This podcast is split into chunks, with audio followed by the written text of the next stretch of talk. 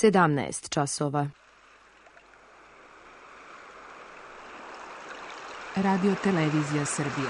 Radio Beograd 2.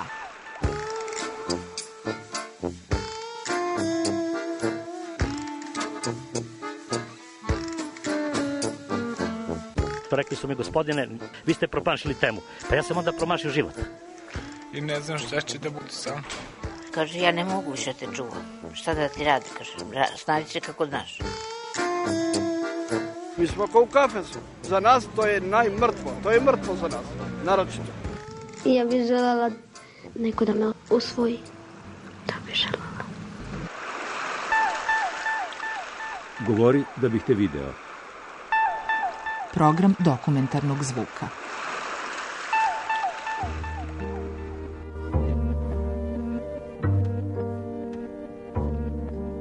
U reportaži Svet stvarnosti i umetnički ideali govore tri mlada umetnika.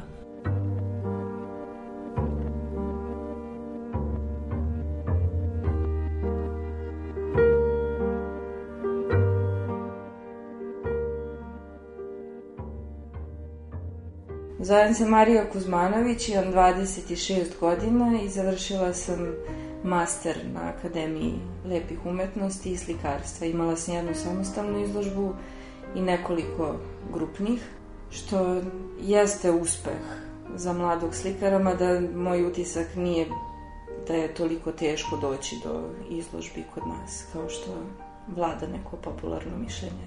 Naravno da prednosti imaju oni koji su afirmisani i koji već imaju neku istoriju iza sebe, imaju ovaj, dugogodišnji rad, poznatiji su, ali eto, ja sam potpuno, kao, kao neko potpuno nepoznat, koji još nije u tom trenutku ni završio master, niti bilo šta, ovaj, konkurisala, tad nisam imala ni jednu izložbu pre toga i dobila sam termin za, za samostalnu izložbu isključivo na osnovu svog rada.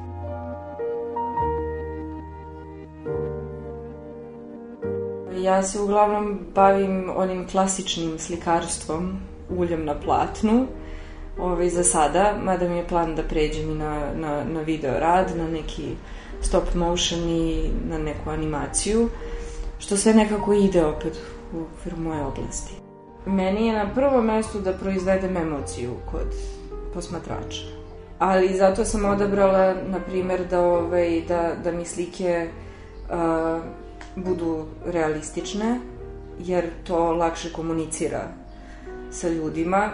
Dakle, ima manje za iščitavanje tu, ono što vidiš to je to. I ove, onda ljudi mogu lakše da razumeju i da, da reaguju. Moje slike ko koketiraju sa pornografijom, ali nisu pornografski prikazi. Već su prikazi ženskog tela, intime, kroz fragmentiranu gradnju, gde su dominantne šakija i neki intimni delovi tela na platnu velikih formata. Zastupljen je princip kolaža. Dakle, delovi tela su isečeni na beloj podlozi i time su udaljeni od bilo kakvog prostora, konteksta, Dakle, ostaje samo, ostaju samo te šake i ti intimni delovi koji onda pričaju priču za sebe, van svega ostalog. U Srbiji imaš priliku da se baviš slikarstvom, da imaš izložbe i da to bude medijski ispraćeno, ali onog trenutka kad se sve to završi, kad se završi izložba, posle toga se uglavnom ne desi ništa. I do druge izložbe i tako nekako možeš do kraja života da sediš ovde i da praviš te neke izložbe i da nemaš ništa od toga, pa ni da jedeš. Ove, slike se ne prodaju, uglavnom. Tako da, da li imaš priliku da se baviš umetnošću u ovoj zemlji, pa u principu odgovor bi bio ne. Zato što i za ono što radiš ti uglavnom nemaš uslova da odradiš kako treba, svi se pomažemo međusobno, svi radimo svima za džabe da bi se nešto napravilo, ali opet to nije taj kvalitet koji bi mogao da bude, jer zaista imamo talentovane ljude koji bi mogli da urade mnogo više kad bi imali uslova za rad. Kad kažem uslovi za rad, da, nažalost, mislim na novac. Ja bih voljela da se bavim slikarstvom i da mi to bude ono primarni izvor prihoda, ali nažalost to nije moguće. Za sada sam prodala samo jednu sliku preko interneta i to je to. Od bilo kakve zarade od slikarstva. Što se tiče slikanja Kalemegdana i Beograda, na to još uvek ne pristajem, nisam još toliko klonula duhom. Smatram, i dalje je ostao jedan tračak nade u meni da se može živeti od autorskih dela i iako poštujem sve kolege koji se snalaze na taj način da, da radite komercijalne stvari, i dalje negde u meni o, imam osjećaj da kad ne bi ljudi radili te komercijalne stvari, možda bi se i ove, ova autorska dela lakše prodavala. Ljudi kod nas u zemlji nemaju novca da kupuju umetnine, bilo koje. I ja to mogu da razumem, ali s druge strane im, ima kolekcionara i kod nas. Dakle, nije, nije nemoguće prodati sliku na, na našem tržištu. Čula sam za par slučajeva koji su uspeli u tome. To mi je i dalje fascinantno, ali eto postoje. Ali u principu svi mladi slikari kod nas gledaju inostrano tržište i moja slika je prodata u Berlinu. Što se cena tiče, to su sva pitanja osjetljiva. Ali već sam pristala da sliku prodam ispod cene. Pošto je bila prva. Pa sam rekla nek ide samo. Nije bitno za koliko. Ja sam trenutno još uvijek nezaposlena u periodu tranzicije između fakulteta i stvarnog života sa puno projekata na umu, ali nažalost bez ikakvih financijskih sredstava da ih realizujem. To je najveći problem. To je glupo kad ti umetno zavisi od pare.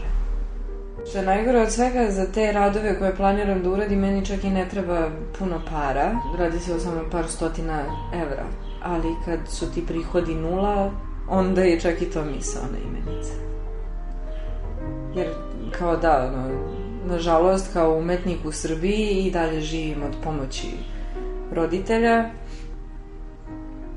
i ne, ne mogu da očekujem od njih da mi posle svega što su uložili u mene još isfinansiraju te neke projekte koji ni, ni, nisu tako, nisu ni skupi ni jeftini.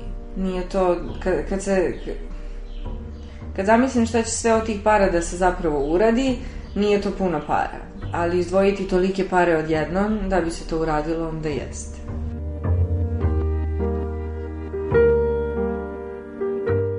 Ja sam se negde pripremila na to da neću moći da živim od slikarstva i sada mi je pedagoški rad potpuno prihvatljiva stvar, iako da mi je neko rekao na prvoj, drugoj godini fakulteta, je studiraš slikarstvo da bi jednog dana učila decu o slikanju, vrlo bi se naljutila, ali sada mi je to kao najsuper cool posao na svetu, koji mi omogućava da, ovaj, da radim nešto što bi moglo da me ispuni, a da opet sa strane mogu da se bavim svojim autorskim radom i da ne moram da pravim kompromis. Mnogo smo mi razmaženi, mi slikari. Što smo navikli na, na fakultetu da imamo svo vreme ovog sveta samo da slikamo i da apsolutno ne moramo da se bavimo ničim što, što, što zapravo je neophodno u životu. Mnogo smo zaokupljeni samim, samim sobom i onda kad nas trefi stvaran život posle fakulteta, e onda, onda, onda se malo probudimo i moramo da se preispitamo i da napravimo neke radikalne promene u svom karakteru. Jer lepo je to ustajati kad god hoćeš i slikati kad god hoćeš i koliko god hoćeš, ali u realnom životu kada imaš stvarne obaveze to ne funkcioniše tako.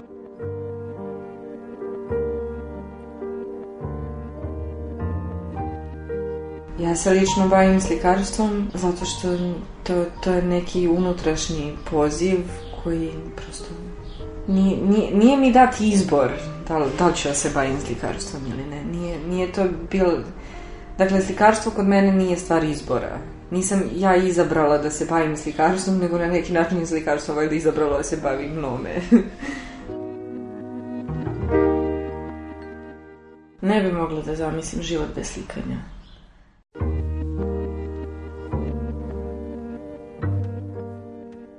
Zovem se Matija Anđelković, imam 26 godina i student sam e, doktorskih studija na Fakultetu muzičke umetnosti u Beogradu na oceku za kompoziciju.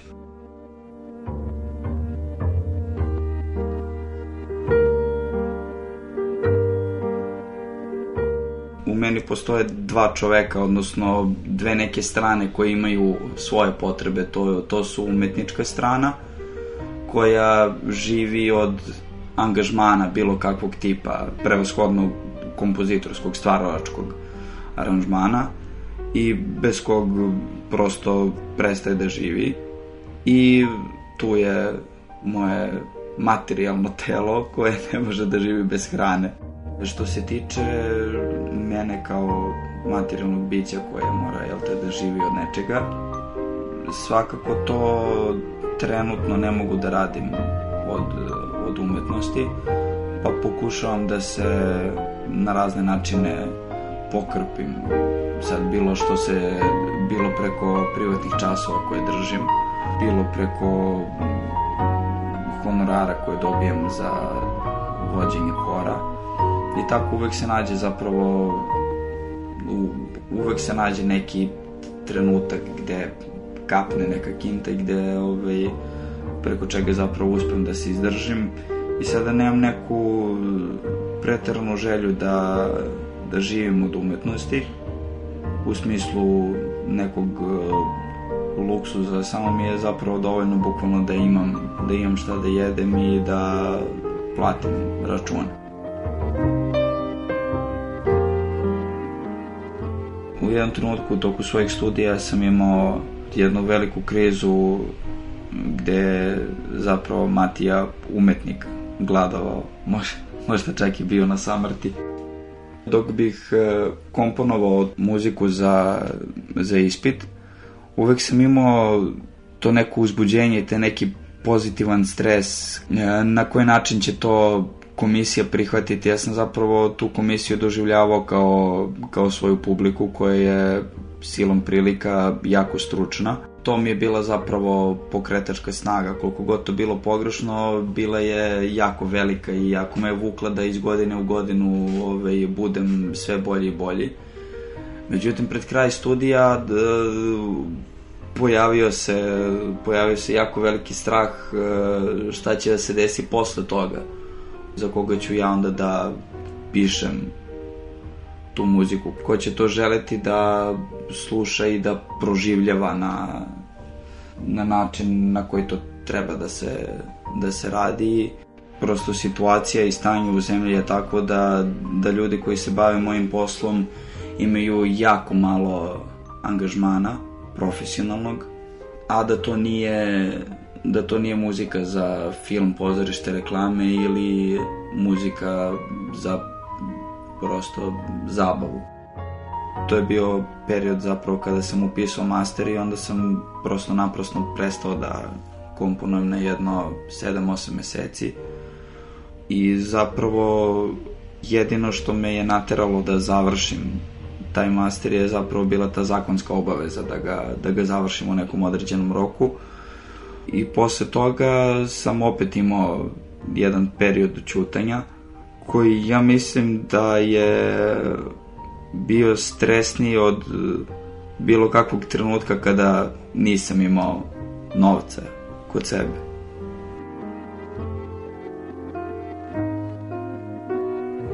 Kompozitor kao čovek umetnik svakako ne može da opstane sam u svoje četiri zida komponujući muziku za sebe. Bez ljudi koji će to da slušaju i prožive, to su samo maltene mrtve konstrukcije, bukvalno kao i zgrade u kojima se živi. Pre nego što se čovek useli u tu zgradu, to je samo jedna prazna konstrukcija koja dobija život tek kada čovek uđe u nju. Tako ja doživljam svoju muziku, prosto ona pre nego što dođe do slušaoca je bukvalno samo čista kompozicija u onom etimološkom smislu te reči, a kada dođe do slušalca zapravo postaje muzika sa svim svojim dejstvima.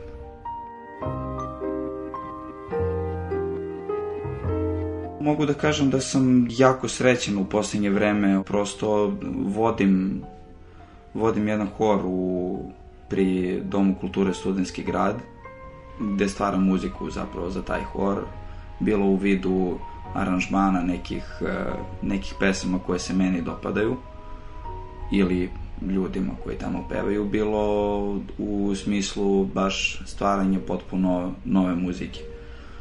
Takođe sa grupom svojih bliskih prijatelja i kolega sam počeo jednomesečno da organizujem večeri gde se skupljaju pesnici sa kompozitorima i zajedno prave nešto novo.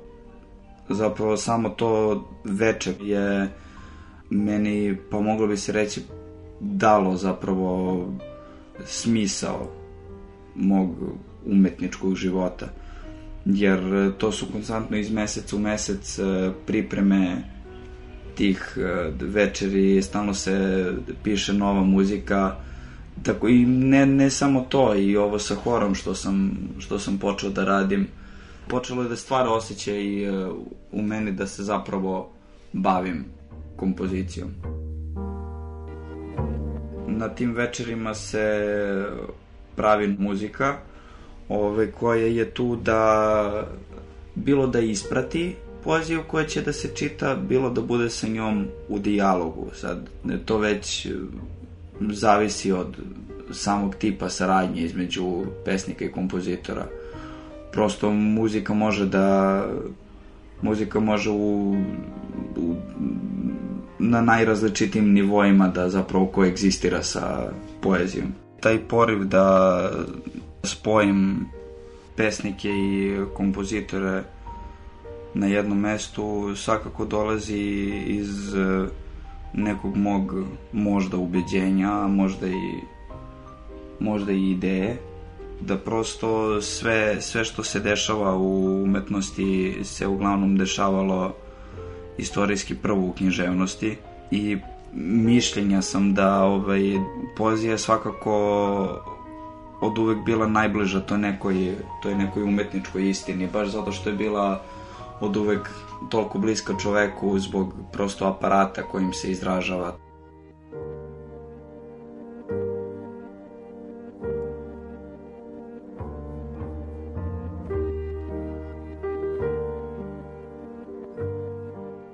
jako bitan moment za, ovaj, za jednog umetnika stvaraoca je taj gde se on ne osjeća usamljeno, gde se ne osjeća da je, da je prosto sam. Čini mi se da u Beogradu i u Srbiji entuzijastičnih umetnika koji žele da, da stvore nešto novo i koji žele prosto samo da, da stvaraju i da nađu i da nađu mesto tome što, što stvaraju u isto vreme i ima i nema jer e, prosto iz iskustva govorim ovaj, e, u svom okruženju moj, na moju veliku radost imam i e, kolege kompozitore i kolege izvođače i kolege ostale umetnike stvaraoce uh, koji prosto imaju sličan cilj koji imam ja da, da i sličnu, sličnu volju i sličnu motivaciju da, da se bave time što se bave. Ali e, sa druge strane kada se onako okrenemo oko sebe nekako kao da nema zapravo previše takvih ljudi. Kada ne bih imao te, moglo bi se reći, okolnosti u u kojima stvaram, pa mislim da bi, koliko god to zvučalo sad možda romantično, mislim da bi prosto prestao da postojim.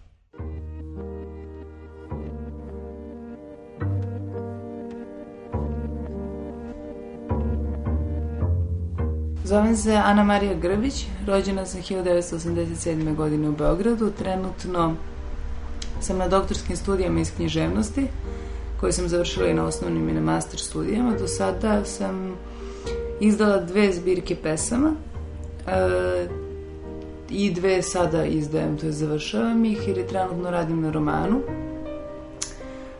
Mislim da sam objavljena u sad nisam brala nekoliko antologija i poezija mi je prevođena na poljski, engleski i makedonski jezik.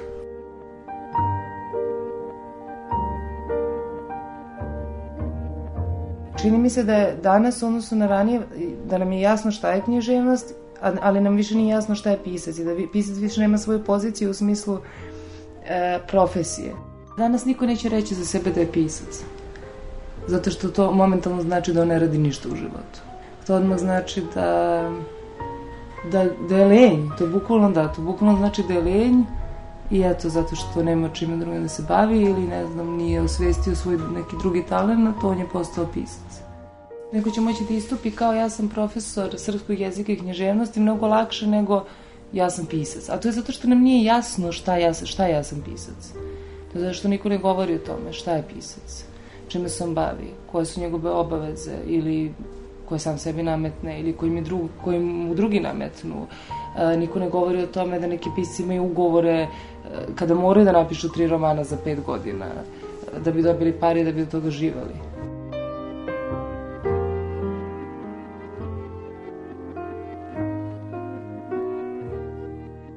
Kada čovjek piše poeziju, čini se da radi manje nego kad piše prozu. E sad, to donekle jeste istina zato što možda svakako mislim da je potrebno manje vremena e, za pisanje poezije e, nego proze, ali sa druge strane osjećanje koje mene lično e, obuhvati kada pišem poeziju ne, e, me ne pušta da radim bilo šta drugo u tom periodu kada ja pišem novu zbirku. Tako da i e, meni moje knjige ne nastaju tako što ja sam odjednom dobijem napad inspiracije i to više nikada ne pregledam, već da odjednom napišem celu zbirku, ali onda, onda je potrebno raditi i na i na interpunkciji i na određenom menjanju značenja i na izbacivanju pesama i možda ubacivanju nečega što je falilo, iščitavanju tog rukopisa nekada, nekoliko hiljada puta i u krajnjem slučaju ugrađenje jednog specifičnog stila. Pisanje je mnogo manje spontana stvar zapravo nego što mi, mi želimo da priznamo to. S druge strane, pišem sada roman i zapravo ga ne pišem upravo zbog uh, činjenice da roman po meni mora da se piše bar 6 sati dnevno. To je jedno kraće radno vreme. Naravno i roman se prelazi posle, mislim ima svoju drugu, treću, 45 u ruku, ali to osjećanje i ta ideja će proći ako se ne stavi na papir i ako se ne stavi u kontinuitetu i raditi 6 sati dnevno na romanu je posao svakako, bez dvojbu.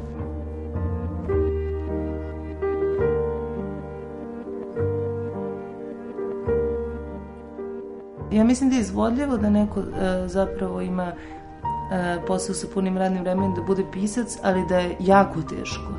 Da to uopšte nije nešto što što tako može lako simultano da se radi. Čak mislim da je lakše ako neko radi nešto što potpuno nema veze sa književnošću, pa onda dođe kući i bavi se književnošću. A ako neko radi ako neko, na primjer, radi u copy, kao copywriter i onda mora da aktivira uh, maš, svoju maštovitost, uh, vrcavost, humor na poslu, uh, da smišlja reklame, da smišlja slogane i dođe kući, on je već negde čini mi se literarno potpuno izmožden. Znam sada da radim prevod i da ako jedan dan radim prevod više od recimo 3-4 sata, svakako neću moći da pišem ništa.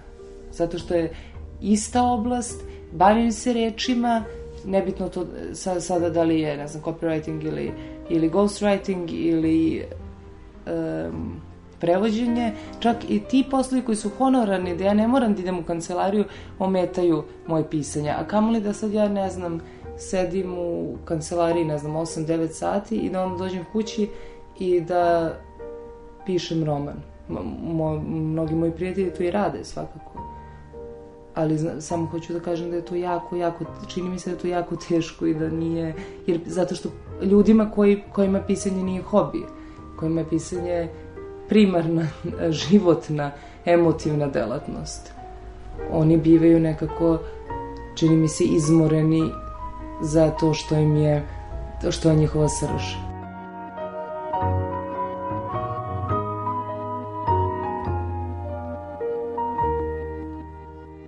od poezije se ne zarađuju pare.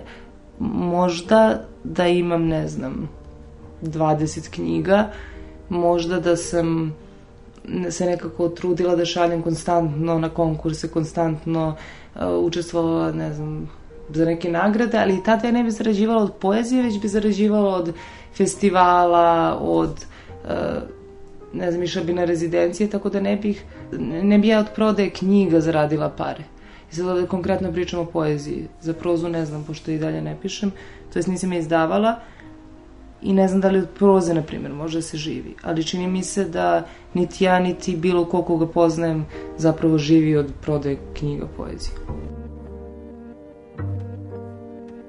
Ja se trenutno e, sufinansiram od strane svojih mučenih roditelja. E, Uskoro sam počela da se bavim prevodom i čini mi se da je ta, taka vrsta honorarnog posla mi prija. E, doktorske studije sam, tu prvu godinu sam otplatila tako što sam pisala e, najgori mogući ljubavni roman pod pseudonimom. Kad pišem pod pseudonimom, pišem e, za američko tržište i pišem za elektronske knjige. Pišem za knjige koje se skidaju sa sajtova. U tom smislu, e, pošto sam pisala ljubavno-erotski roman, mislim da nisam negde narušila taj svetski korpus književnosti, jer je on vrlo ciljano, takva književnost mora postoji. On je, žan, on je žanrovski roman i on se e, prodaje na određenom tipu sajta sa određenim sadržajem. Samim tim mislim da nisam uradila nešto što je protiv mojih principa. Ono što bi bilo protiv mojih principa jeste da sam pisala na srpskom jeziku, da sam objavila za određene izdavačke kuće koje ne cenim, da sam i da to ja lično predstavljam kao svoje delo, kao veliko delo i da se da propagiram negde da se tako treba pisati i da to ne ulazi u, u, u tu vrstu žanrovske književnosti, već da to predstavljam kao književnost uopšte i kao ono što uh, svako treba da čita. Čini mi se da postoji taj krug uh, do, do duše vrlo onako generacijski uslovljen koji i nije tako mali. Jedna pesnička scena gde se dosta ljudi podržavaju međusobno, dosta uh, zovu jedne druge u svoje gradove, dosta imamo, pa imamo sad i neke nove festivale i međusobno se i podržavamo i čini mi se da, da međusobno čitamo uh, poeziju jedne drugih, što je jako bitno. Jer kad, kad god me neko pita uh, ko mi je uzor u poeziji, ja prvo kažem savremenici. To je ono sa čim sam najviše u kontaktu. To su knjige koje dobijamo od svojih prijatelja ili uh, koje kupujemo od svojih prijatelja i koje, koje su ne znam, nekako moja sadašnjost, ono sa čim sam direktno sada u vezi. Iako nam se poetike vrlo razlikuju, iako smo nekako, čini mi se da utičemo na jednom drugom nivou, ne, ne po poetici, već po jednom duhu vremena koga sada nismo svesni.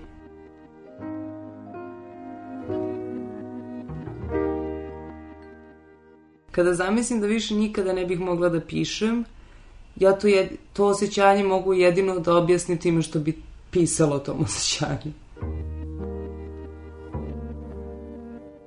Slušali ste dokumentarnu reportažu Svet stvarnosti i umetnički ideali, u kojoj su govorila tri mlada umetnika. Marija Kuzmanović, Matija Anđelković i Ana Marija Grbić. Reportažu su realizovali dizajner zvuka Dejan Ivanović i autor Milena Radić.